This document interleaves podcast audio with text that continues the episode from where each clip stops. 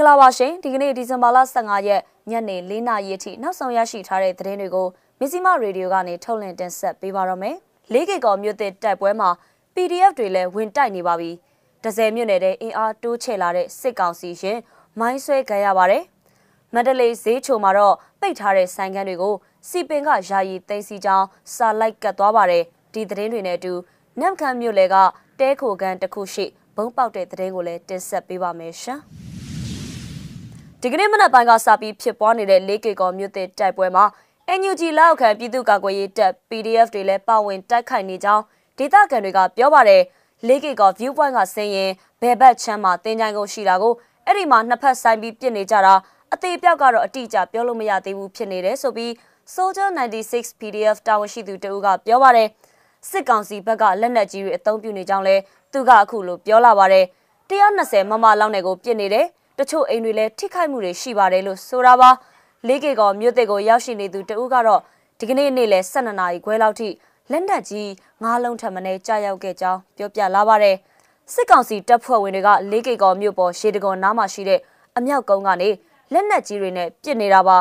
မဲထော်တလေးရွာဘက်ကနေတော်လန်သုံးပြီးစစ်ကောင်စီတပ်အင်အားအများအပြားလဲထပ်မံရောက်ရှိလာကြောင်းသတင်းတွေလည်းထွက်ပေါ်နေပါတယ်ပြစ်ခတ်တက်ခတ်မှုကြောင့်လေးကေကောမြို့သစ်မှာခိုလုံသူတွေနဲ့ ဒေသခံတွေအားလုံးထွက်ပြေးတိမ်းရှောင်နေရပါတယ်။တိုက်ပွဲနောက်ဆက်တွဲအသေးစိတ်အခြေအနေကိုတော့မဇီမာကဆက်ပြီးတော့စုံစမ်းနေစေဖြစ်ပါတယ်။စကိုင်းတိုင်းဒဇယ်မြို့နယ်တဲ့အင်အားတိုးချဲ့လာတဲ့စစ်ကောင်စီရင်တစည်းနဲ့ဆိုင်ကယ်နှစ်စီးကိုမနေ့ည6နာရီခွဲလောက်ကဒဇယ်ပြည်သူ့ကာကွယ်ရေးတပ်ဖွဲ့ပကဖအဖွဲ့ကမိုင်းဆွဲတိုက်ခိုက်ခဲ့ပါတယ်။ဒီမိုင်းဆွဲမှုကဒဇယ်မြို့နဲ့ငတန်းကျေးရွာကြားမှာဖြစ်ခဲ့တာပါစစ်ကောင်စီကားတစီထိမှန်သွားပါတယ်ဒါပေမဲ့တေဆုံးမှုနဲ့ပတ်သက်ပြီးအတိအကျတော့မသိတဲ့အကြောင်း ဒဇယ်ပြည်သူ့ကာကွယ်ရေးအဖွဲ့ပကဖအဖွဲ့ဝင်တဦးက The 74 Media ကိုပြောပြပါရယ်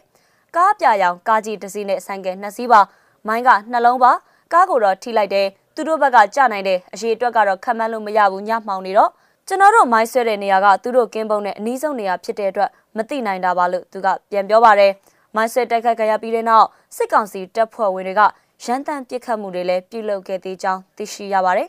စကိုင်းတိုင်းဒဇယ်မြို့နယ်မှာ ဒီဇင်ဘာလ23ရက်နေ့တုန်းကလည်းစစ်ကောင်စီစစ်ကြောင်းမိုင်းဆွဲတိုက်ခိုက်ခံရလို့စစ်ကောင်စီတပ်သား2ဦးသေဆုံးပြီး6ဦးထိခိုက်ဒဏ်ရာရရှိခဲ့ပါတယ်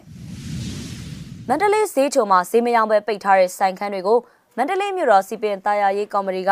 ယာယီပိတ်သိမ်းကြောင်းအသိပေးစာတွေဒီကနေ့မနက်ပိုင်းမှာလိုက်ကတ်ခဲ့ပါတယ်။ဈေးမယောင်းတဲ့ဆိုင်ခန်းတွေကိုစီပင်ကသိမ်းတယ်ဆိုတဲ့စာတွေလိုက်ကတ်သွားတယ်။ ကော်မတီကယာယီသိမ်းဆည်းထားတာပေါ့အခုမန်းမြန်မာပလာဇာကမဖွင့်သေးတဲ့ဆိုင်ခန်းစရင်တွေလည်းလိုက်ကောက်နေတာတွေ့ရတယ်လို့ဆိုင်ခန်းပန်ရှင်တဦးကပြောပါတယ်ဒီစာတွေမှာဆိုင်ခန်းအားကော်မတီမှယာယီသိမ်းဆည်းထားသည်ဈေးဌာနခွဲဈေးရုံနဲ့ဆက်သွယ်ရန်လို့ရေးသားထားတာပါ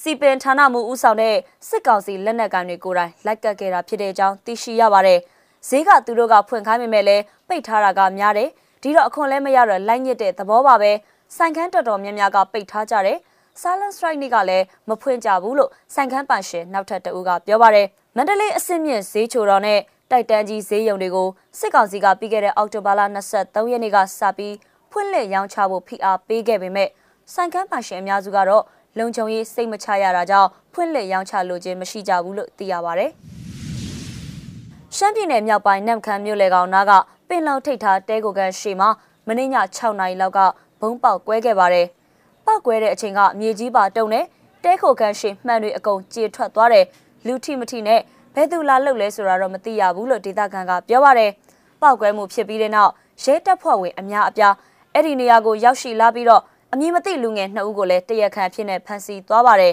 ။ဒီဇင်ဘာလ9ရက်နေ့တုန်းကလည်းအဲ့ဒီတဲခိုခန့်မှာပြစ်ခတ်မှုဖြစ်ပွားခဲ့ပြီးပြည်သူတအူးဒဏ်ရာရရှိခဲ့တယ်လို့သိရပါတယ်ရှင်။ မစ္စည်းမရေဒီယိုကနေညနေ၄နာရီအထိနောက်ဆုံးရရှိထားတဲ့သတင်းတွေကိုတင်ဆက်ပေးခဲ့တာပါ။စောင့်မျှော်နားဆင်ပေးခဲ့ကြတဲ့အတွက်ကျေးဇူးတင်ပါတယ်ရှင်။